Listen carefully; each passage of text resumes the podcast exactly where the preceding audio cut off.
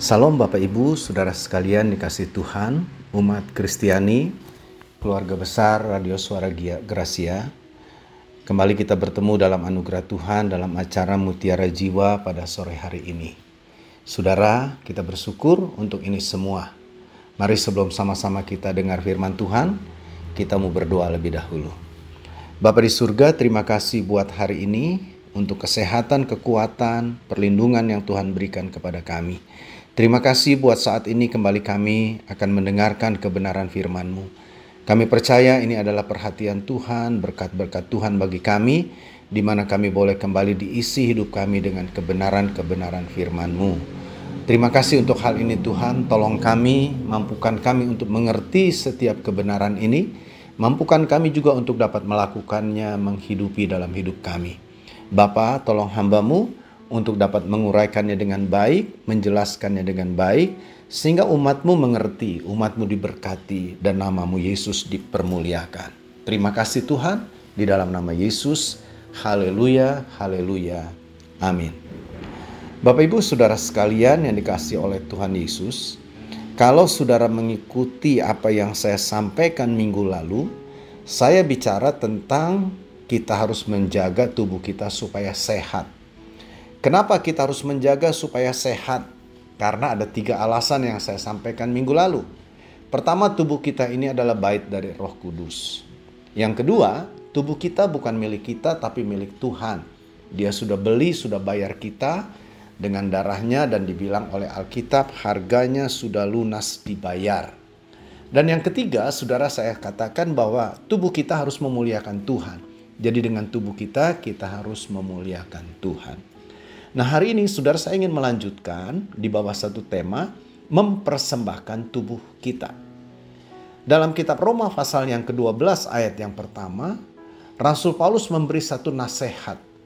Dia bilang, supaya kita ini mempersembahkan tubuh kita sebagai persembahan yang hidup, yang kudus, dan yang berkenan kepada Allah. Itu adalah ibadahmu yang sejati.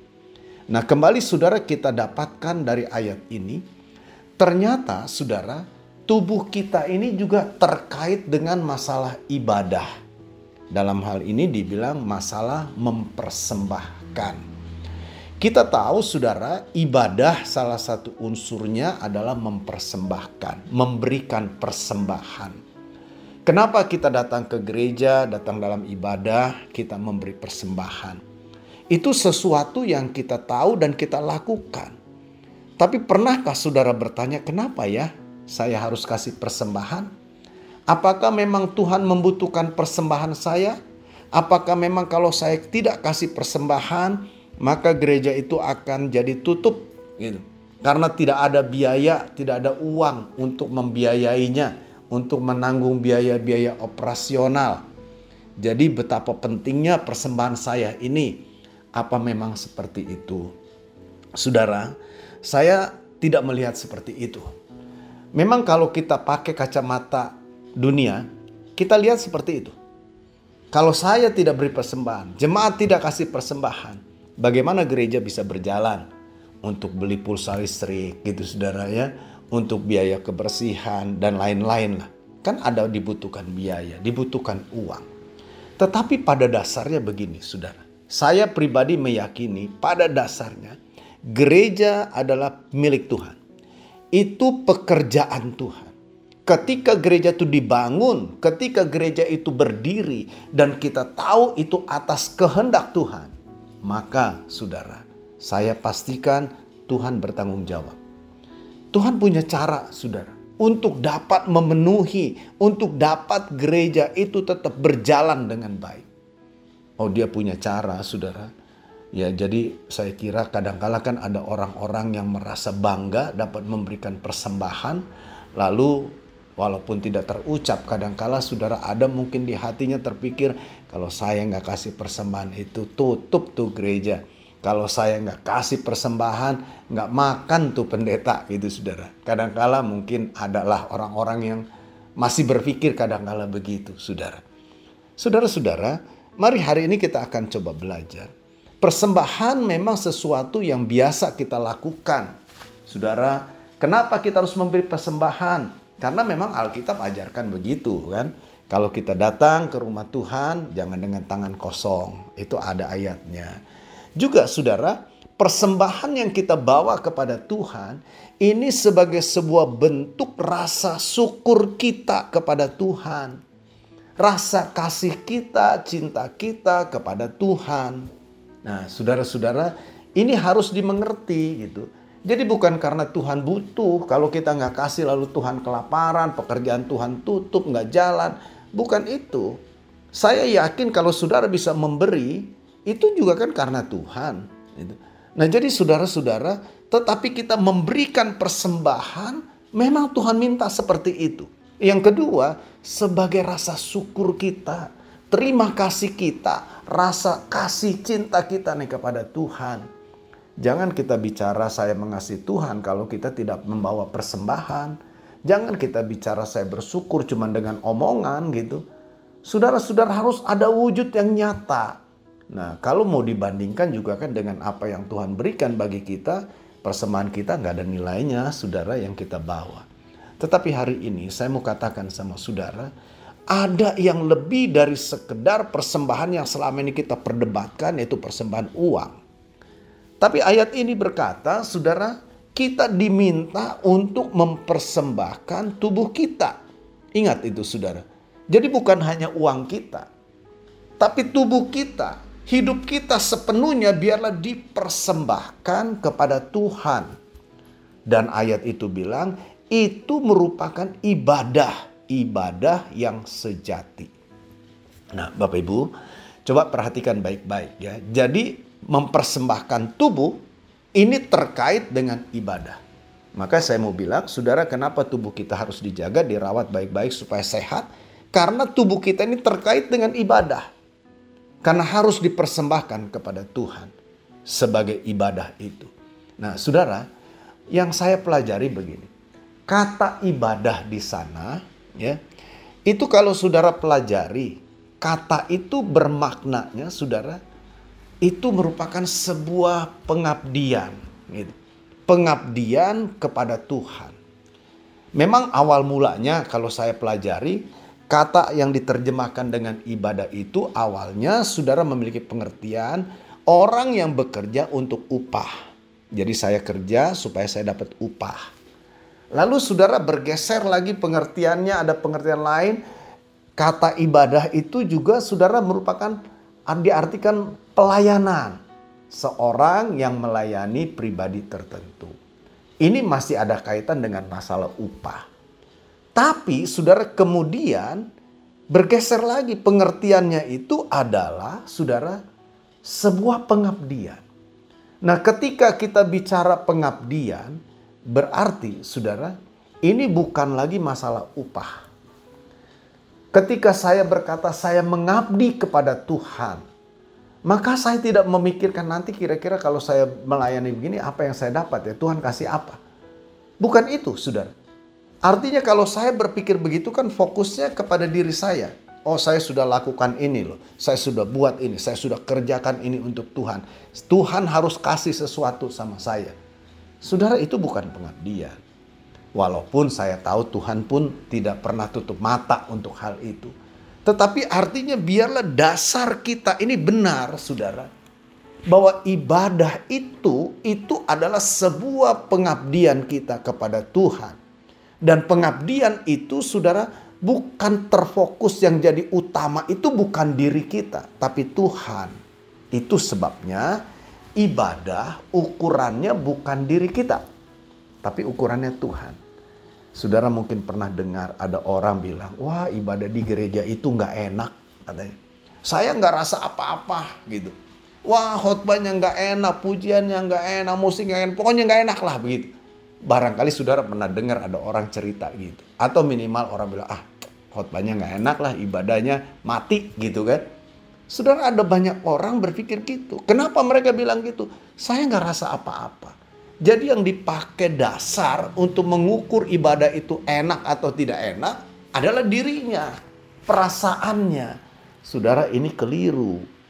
Ibadah ini adalah tentang Tuhan. Jadi saudara ukurannya bukan diri kita. Ukurannya Tuhan, apakah Tuhan dipuaskan, Tuhan disenangkan, Tuhan berkenan. Itu kan ukurannya. Nah jadi saudara-saudara, ibadah bicara tentang pengabdian. Pengabdian ini berarti saya bilang ukurannya bukan diri kita, tapi ukurannya Tuhan. Nah saudara, menarik begini. Mempersembahkan tubuh itu adalah ibadah yang sejati. Tetapi saudara, tubuh mempersembahkan tubuh ini maksudnya apa begitu? Bagaimana caranya maksudnya itu seperti apa? Saudara memang kita perlu melihat latar belakang dari pernyataan perkataan Paulus ini. Sedikit banyak kita tahu Paulus adalah orang yang ahli di dalam agama Yahudi. Saudara dia seorang Farisi, jadi benar-benar paham selak beluk saudara tentang yang namanya korban di dalam agama Yahudi. Umumnya orang-orang Yahudi kan saudara membawa korban itu binatang. Ada lembu, mungkin ada sapi, ada domba, ada kambing, ada burung, begitu saudara. Dan saudara-saudara, korban-korban ini, ini katakan dipotong lah begitu, disembelih. Setelah itu ada bagian-bagian tertentu yang dipersembahkan kepada Allah dengan cara dibakar. Saudara, jadi harus dibakar habis itu dipersembahkan kepada Allah. Nah sekarang Paulus dia bicara, persembahkanlah tubuhmu. Saudara maksudnya apa? Tentu kita nggak harus seperti orang Yahudi kita potong-potong tubuh kita kan bukan begitu tentu maksudnya. Juga memang bukan itu maksudnya Paulus. Tapi saudara coba renungkan baik-baik. Tubuh kita ini ada tangan, ada mata, ada mulut, ada telinga, ada apa lagi? Ada pikiran kita, ada kaki kita. Jadi seluruh anggota tubuh kita ini. Saudara tahu gak?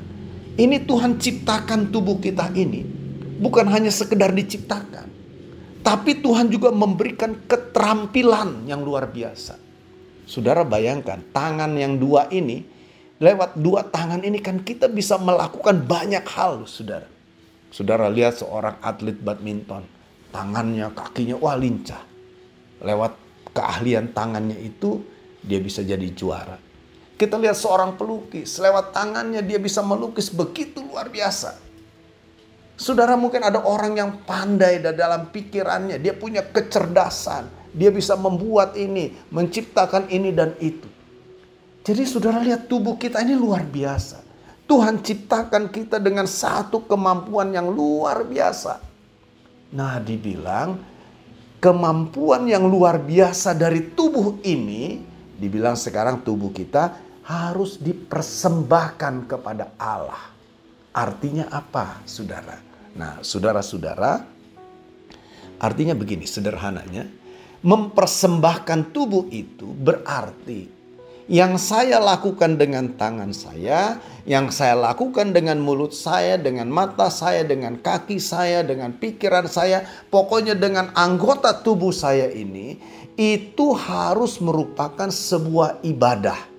Artinya, sebuah pengabdian kepada Tuhan. Saudara-saudara paham di sini ya. Jadi saya katakan umpama saya punya pikiran yang hebat saya bisa buat ini, ciptakan ini. Wah, saya bisa membuat ini dan karena saya pintar umam. Nah, semua itu harus saya lakukan sebagai sebuah bentuk pengabdian kepada Tuhan, dipersembahkan kepada Tuhan. Saudara-saudara, mungkin saudara bekerja di kantor, saudara berdagang, saudara punya keahlian tertentu, mungkin saudara ahli di dalam mesin, saudara punya bengkel yang luar biasa gitu kan. Atau saudara punya keahlian lain lewat tangan saudara. Saudara punya suara yang bagus bisa menyanyi. Artinya begini loh saudara. Semua kegiatan-kegiatan yang dilakukan oleh tubuh kita ini. Saudara-saudara ingat. Itu harus menjadi sebuah ibadah. Sebuah yang dipersembahkan, diabdikan kepada Tuhan. Itu maksudnya saudara. Jadi kalau begitu kan seluruh aktivitas kehidupan kita merupakan ibadah, pengabdian kita kepada Tuhan. Di dalam bagian lain kan Paulus bilang dalam kitab Kolose, Segala sesuatu yang kamu lakukan dengan perkataan, dengan perbuatan, lakukanlah itu dengan segenap hatimu seperti untuk Tuhan, bukan untuk manusia. Ingat ayat itu, saudara. Jadi, kita harus melakukannya dengan segenap hati, karena ini adalah sebuah ibadah yang kita persembahkan kepada Tuhan.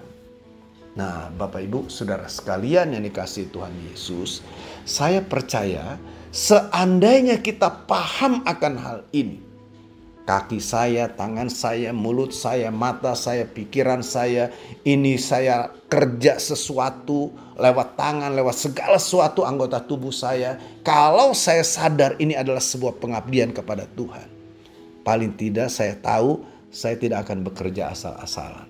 Saya akan bekerja dengan penuh tanggung jawab. Saya akan bekerja dengan jujur. Saya akan bekerja dengan sungguh-sungguh. Saya tidak akan korupsi. Kan begitu, sudah. Tapi banyak kali kan saudara orang ukurannya ibadahnya itu pada diri sendiri. Makanya jadi salah begitu. Nah jadi saudara lihat.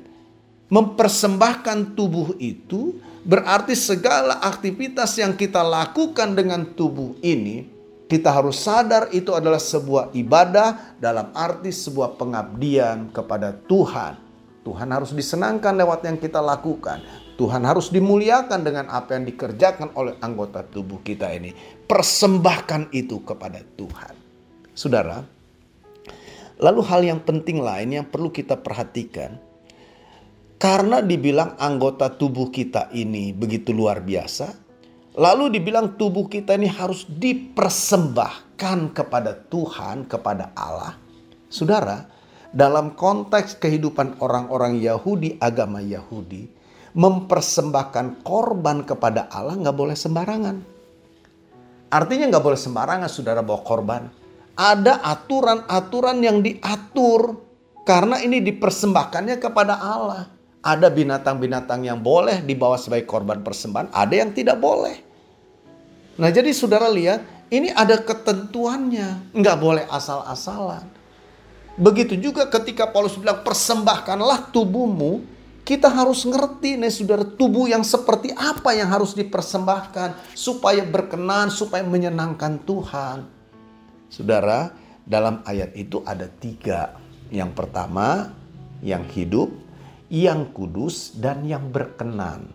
Ini tiga hal ini harus jadi dasar untuk kita mempersembahkan tubuh. Tubuhnya harus tubuh yang hidup, tubuhnya harus tubuh, tubuh yang kudus, tubuhnya juga harus berkenan kepada Allah. Tiga dasar ini harus benar-benar kita pahami. Kalau tidak, ya sama saja kita membawa persembahan, persembahan yang menjijikkan buat Tuhan, bukan menyenangkan Tuhan. Jadi mari coba kita lihat tiga hal ini. Pertama, hidup. Jadi saudara, memberikan persembahan tubuh kita, hidup kita ini kepada Tuhan, harus hidup kita benar-benar hidup. Saudara, sederhananya begini loh. Orang kadang-kala kan mungkin agak sedikit bingung. Misalnya saya kan hidup, saya buktinya bisa bicara, bisa jalan, bisa ngomong dan sebagainya. Membuktikan saya hidup. Benar. Secara lahiriah itu memang ciri-ciri makhluk hidup kan dia bisa bergerak, dia bisa berkembang di biak, dia bisa melakukan aktivitas, itu cirinya hidup. Tetapi secara rohani, orang yang bisa bergerak, bisa ngomong, bisa jalan, bisa lakukan ini dan itu, belum tentu dia orang yang hidup. Sebab saudara-saudara, Alkitab bilang dosa itu membuat kematian. Dosa adalah upahnya maut, saudara. Nah lalu bagaimana supaya saya ini disebut sebagai orang-orang yang benar-benar hidup? Bukan cuma sekedar hidup gitu kan tapi benar-benar memiliki hidup yang sesungguhnya. Sebab hidup saya yang sesungguhnya hanya yang hidup inilah yang dapat dipersembahkan kepada Tuhan. Nah, saudara-saudara, bagaimana supaya kita memiliki hidup? Ada saudara ayat yang ditulis oleh Yohanes dalam satu Yohanes pasal yang kelima. Kalau saudara perhatikan ayat itu, itu cukup menarik, cukup bagus menurut saya untuk kita pahami. Mari coba lihat. 1 Yohanes 5 ayat yang ke-11. Dibilang begini, dan inilah kesaksian itu. Allah telah mengaruniakan hidup yang kekal kepada kita. Dan hidup itu ada di dalam anaknya. Ayat 12. Barang siapa memiliki anak, ia memiliki hidup. Barang siapa tidak memiliki anak, ia tidak memiliki hidup. Jadi saudara siapa orang-orang yang disebut hidup? Jelas di sini orang-orang yang memiliki anak dibilang. Tentu anak di sini bukan berarti anak dalam pengertian uh, jasmani ya, anak biologis. Saya punya anak satu, bukan itu saudara. Tapi anak di sini kan pakai huruf besar A-nya. Mengacu kepada ayat 11, saya bilang anaknya, anak tunggal Bapak itu. Yaitu Yesus. Jadi dengan kata lain, saya akan benar-benar menjadi pribadi yang hidup ketika saya memiliki Yesus. Percaya kepada Yesus. Saya bertobat, saya sudah jadi ciptaan baru, lahir baru. Seluruh hidup saya adalah milik Kristus. Baru saya benar-benar hidup gitu saudara. Saudara-saudara, ini sesuatu yang sangat mendasar. Ya kalau setiap kita tidak memiliki Kristus, manusia-manusia yang tidak ada Kristus tidak mempunyai Kristus.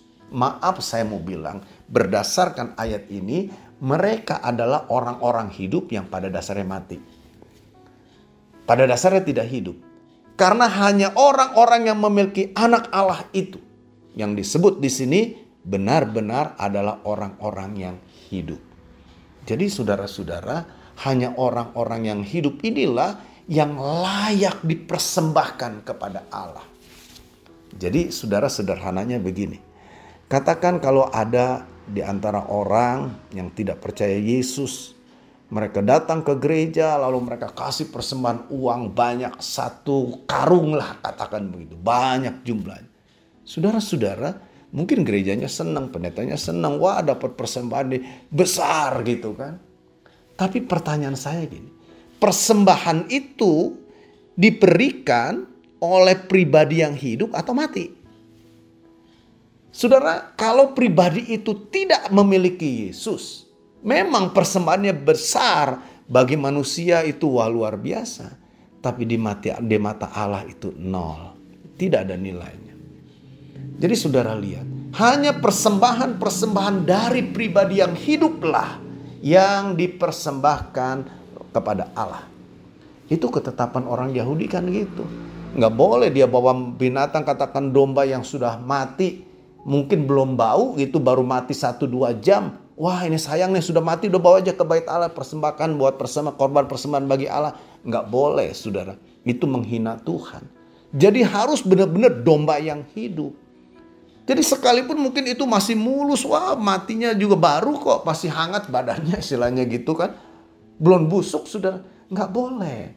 Jadi hanya benar-benar yang hidup itulah yang diterima oleh Tuhan.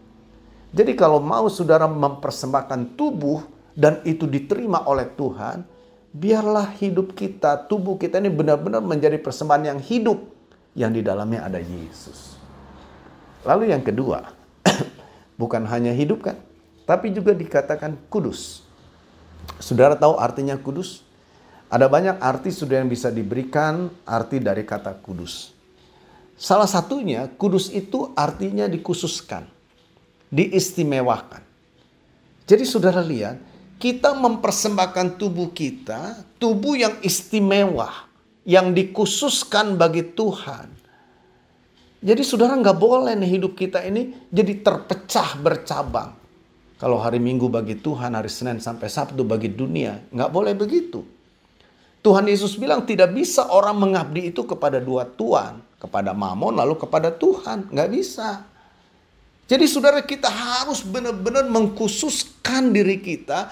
Hanya fokus, hanya fokus kepada Tuhan dan bagi Tuhan. Nggak boleh yang lain. Ini yang membuat kita berkenan. Artinya ini yang memang benar-benar diistimewakan. Makanya saudara jaga tubuh kita ini jangan sembarangan. Makannya harus dijaga, jangan kotori tubuh kita gitu saudara. Ya jangan kita makanan itu kan saya bilang cuma enak di mulut, belum tentu yang enak di mulut itu jadi bagus buat tubuh kita. Jangan kotori tubuh kita. Alkitab bilang tubuh itu bukan untuk percabulan. Tubuh itu bukan untuk dipuaskan dengan hal-hal duniawi. dengan makan minum pesta pora bukan itu. Tapi tubuh untuk Tuhan dan Tuhan untuk tubuh. Jadi saudara jaga tubuh ini. Jangan cemarkan. Ingat, kita ini mau mempersembahkan sesuatu yang kudus, yang istimewa kepada Tuhan. Jadi kan kalau begitu tubuh kita, hidup kita harus benar-benar dijaga sedemikian rupa supaya itu menjadi sebuah persembahan yang memang berkenan pas menyenangkan hati Tuhan. Ya, Saudara, jadi sekali lagi saya mau katakan jaga tubuhmu jangan kotori gitu. Saudara, ada banyak orang yang hidup di dalam kekotoran dan salah satunya saudara banyak orang hidup dalam perjinahan. Saudara tahu dosa perjinahan itu Alkitab bilang ada catatan khusus yang Alkitab bilang. Paulus bilang orang yang berdosa dalam perjinahan bukan hanya berdosa kepada Allah, tapi berdosa terhadap tubuhnya sendiri. Hati-hati saudara, ada banyak orang hidup dalam perselingkuhan, perjinahan. Itu saudara dia berdosa kepada Tuhan dan juga kepada dirinya. Ingat tubuh kita bukan untuk percabulan Alkitab bilang, tapi untuk Tuhan.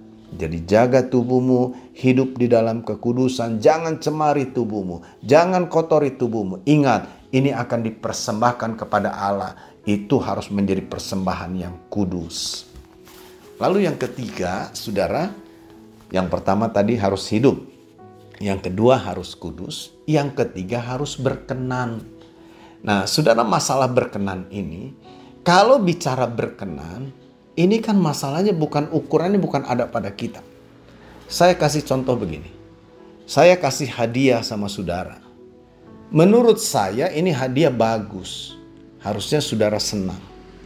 Tapi ketika saudara terima dan saudara lihat, ah nggak cocok sama saudara. Saudara tidak berkenan, saudara tidak suka dengan pemberian saya. Padahal menurut saya, wah itu pemberian berharga, bernilai itu. Tapi belum tentu kan bagi saudara yang nerima. Saudara lihat, ketika kita mempersembahkan tubuh kita, perkenanan itu ukurannya adalah perkenanan Tuhan, bukan perkenanan saya. Nah, saudara-saudara, jadi di sini kita perlu mengerti apa yang kira-kira berkenan di hadapan Tuhan. Nah, untuk kita mengerti mau tidak mau kita harus kembali kepada Alkitab. Alkitab banyak menjelaskan, mengajarkan kepada kita hal-hal yang berkenan kepada Tuhan, memuaskan, menyenangkan hati Tuhan. Ingat, ibadah itu adalah pengabdian. Artinya ukurannya itu enak, sukses atau tidaknya ibadah itu ketika Tuhan disenangkan. Ukurannya ada pada Tuhan, bukan kepada diri saya.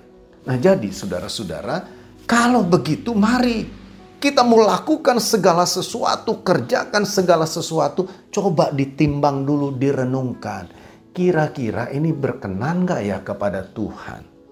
Saya nih mau ambil keputusan ini. Kira-kira ini berkenan atau tidak kepada Tuhan? Sesuai tidak nih dengan dengan maunya Tuhan? Jadi bukan maunya saya. Nah, saudara-saudara, di sinilah kita perlu benar-benar mengerti akan kehendak Tuhan, perkenanan Tuhan itu. Saudara, jadi sekali lagi penekanannya di sini bukan apa yang baik menurut saya, tapi apa yang baik menurut Tuhan. Bukan apa maunya saya, tapi apa yang menjadi maunya Tuhan. Mungkin kita bisa kasih argumen macam-macam, saudara. Wah, kita bisa merangkai kata-kata, kasih alasan begini dan begitu. Itu kan menurut kita. Bagaimana menurut Tuhan? Bapak Ibu Saudara sekalian, saya pernah dengar ada orang cerita bilang begini. Ini seorang bapak dia berselingkuh. Dia tahu, saudara ini orang Kristen, dia tahu bahwa itu dosa, salah. Ya. Dia ingin lepas, aduh kayaknya susah banget gitu saudara. Tapi dia juga nggak tenang kan begitu saudara. Wah dia nggak nyaman hidupnya. Sampai satu hari dia berdoa sama Tuhan. Dia bilang, Tuhan saya tahu saya salah. Ya. Tapi hari ini saya sudah terlanjur janji untuk ketemu dengan selingkuhan saya. Tuhan izinkan saya. Dia bilang, Kali ini saja nih ketemu gitu. Ya kalau boleh Tuhan butakanlah mata istri saya. Tutuplah telinga istri saya supaya tidak dengar supaya tidak melihat perselingkuhan hari ini. Bapak Ibu Saudara sekalian, mungkin saudara tertawa barangkali dengar doa seperti ini. Tapi ada banyak orang yang coba berpikir berbuat seperti itu. Saudara-saudara, apakah doa seperti berkenan di hadapan Tuhan? Ya, dia bisa kasih alasan macam-macam. Dia bisa kasih argumen macam-macam, tapi saya mau katakan itu kan argumen menurut dia. Tuhan tidak pernah kompromi dengan dosa sekecil apa pun. Jadi saudara-saudara, mari kita mau sadari, ingat nih hidup ini, tubuh ini kita mau persembahkan kepada Tuhan. Yang perlu kita pertimbangkan ketika kita persembahkan kepada Tuhan, Tuhan berkenan nggak? Jadi jangan hidup yang sudah rusak, yang sudah hancur, berantakan, kotor, sudah nggak karuan. Kita persembahkan kepada Tuhan. Itu penghinaan kepada Tuhan. Jadi belajarlah saudara. Saya pernah ngomong sama jemaat, saudara. Kalau kasih persembahan sama Tuhan itu cobalah. Jangan kasih uang yang sudah jelek, yang sudah dikasihnya dikumal-kumal lagi gitu, dilecak-lecakin. Kenapa sih nggak dipilih yang bagus saja? Saudara memang nggak ada sih ayat yang bilang begitu. Tapi ingat, kita memberikan yang terbaik kepada Tuhan. Jadi saudara-saudara, mari coba pikirkanlah baik-baik. Apa yang kita mau lakukan, apa yang kita mau kerjakan, keputusan apa yang kita mau ambil, mau ke kanan atau ke kiri. Kita boleh pikirkan dengan akal kita. Kita boleh minta pendapat dari teman, dari keluarga, dari suami istri. Kita boleh diskusikan, boleh rundingkan. Tapi jangan pernah lupa biarlah kiranya keputusan kita itu menyenangkan Tuhan. Sesuai dengan maunya Tuhan. Sehingga dia berkenan akan apa yang kita lakukan. Jadi jangan maunya sendiri. Jangan pikir menurut pikiran kita sendiri. Jangan lebih condong dari nasihat-nasihat orang-orang dunia. Jangan kita bersandar kepada apa yang ada di sekitar kita. Tapi kita mau bersandar kepada Tuhan. Ingat saudara, kita ini mempersembahkan tubuh kepada Tuhan. Biarlah persembahan ini yang kita persembahkan kepada Tuhan itu berkenan di hadapan Tuhan. Tuhan puas gitu saudara dengan persembahan tubuh yang kita bawa ini. Saya berharap ini boleh mengubah, memberkati hidup kita sekalian saya berdoa biarlah kuasa firman ini boleh membaharui kita, membawa kita kepada satu kehidupan yang berkenan dan menyenangkan hati Tuhan. Jadi ingat baik-baik, Tuhan minta supaya kita membawa persembahan. Dan persembahan yang dia minta bukan cuma uang kita. Saudara-saudara, tapi dia bilang persembahkanlah tubuhmu kepada Allah sebagai persembahan yang hidup, yang kudus, dan yang berkenan kepada Allah. Itu adalah ibadahmu yang sejati. Jadi saudara, mari biarlah setiap kita yang mendengar kebenaran firman Tuhan pada hari ini, kita mulai mau bertindak, menjaga tubuh kita, ya benar-benar supaya berkenan di hadapan Tuhan. Kita mulai memeriksa apakah saya sudah menjadi pribadi yang hidup atau saya hidup tapi sebetulnya saya mayat mati. Karena tidak ada Yesus dalam hidup kita. Karena tidak percaya kepada Yesus. Saudara-saudara kalau itu yang adalah hidupmu. Ini kesempatan. Inilah kebaikan Tuhan bagimu. Buka hatimu, percayalah kepada Yesus. Terima Yesus sebagai Tuhan dan Juru Selamatmu. Maka engkau akan hidup. Itu Alkitab bilang. Lalu saudara, Biarlah kita mau persembahkan persembahan yang kudus, yang khusus, yang istimewa, yang spesial. Hidup kita ini dijaga semikian rupa. Jangan cemari tubuh kita. Jangan kotori hidup kita dengan hal-hal yang tidak berguna. Dengan hal-hal yang kotor, yang najis dari dunia ini. Sehingga tubuh kita, hidup kita menjadi sesuatu yang kudus, yang layak dipersembahkan kepada Tuhan. Dan dengan demikian, persembahan yang kita persembahkan kepada Tuhan benar-benar persembahan yang berkenan dan menyenangkan hati Tuhan. Tuhan Yesus berkati kita semua. Amin. Amin. Mari kita berdoa, saudara. Gembala kami yang baik, kami bersyukur buat kebenaran firman-Mu pada hari ini. Kami diingatkan untuk kami mempersembahkan tubuh kami kepadamu sebagai persembahan yang hidup, yang kudus, dan yang berkenan. Ajar kami Tuhan untuk melakukan ini dalam hidup kami sehingga Tuhan dapati apa yang kami lakukan, yang kami kerjakan ini menyenangkan akan hatimu ya Tuhan. Berkati seluruh pendengar sekalian di mana pun juga berada. Kalau ada di antara mereka yang sakit, Hambamu berdoa dalam nama Yesus sembuhkan mereka. Yang lemah dalam nama Yesus diberi kekuatan. Yang tertutup jalan dalam nama Yesus Tuhan buka jalan yang baru. Yang ada dalam pergumulan beban berat, dalam tindasan, dalam tekanan. Biarlah ada kelegaan yang Tuhan berikan. Tuhan berikan jalan keluar bagi mereka. Terima kasih Bapa. Kami berdoa biarlah damai sejahtera-Mu turun atas setiap pendengar. Bahkan kami berdoa Tuhan untuk umatmu, gereja-gereja hamba-hambamu. Tuhan kau berkati mereka, anugerahmu ada atas mereka. Kami juga berdoa buat kota kami, kota di mana siaran ini diperdengarkan. Mengalirlah kasih, anugerah, kuasa, dan berkatmu ke sana.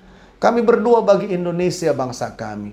Di tengah-tengah pergumulan yang ada, Tuhan tolong kami percaya anugerahmu ada. Hikmatmu kau berikan kepada pemimpin-pemimpin bangsa kami untuk dapat mengambil kebijakan-kebijakan yang tepat sesuai dengan kehendakmu. Dan kami boleh melihat Indonesia boleh dimenangkan, diselamatkan bagi Yesus.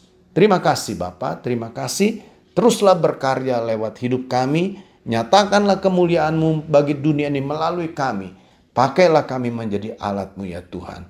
Biarlah lewat hidup kami nama Tuhan dipermuliakan. Terima kasih Bapak di dalam nama Yesus. Haleluya, haleluya. Amin. Amin.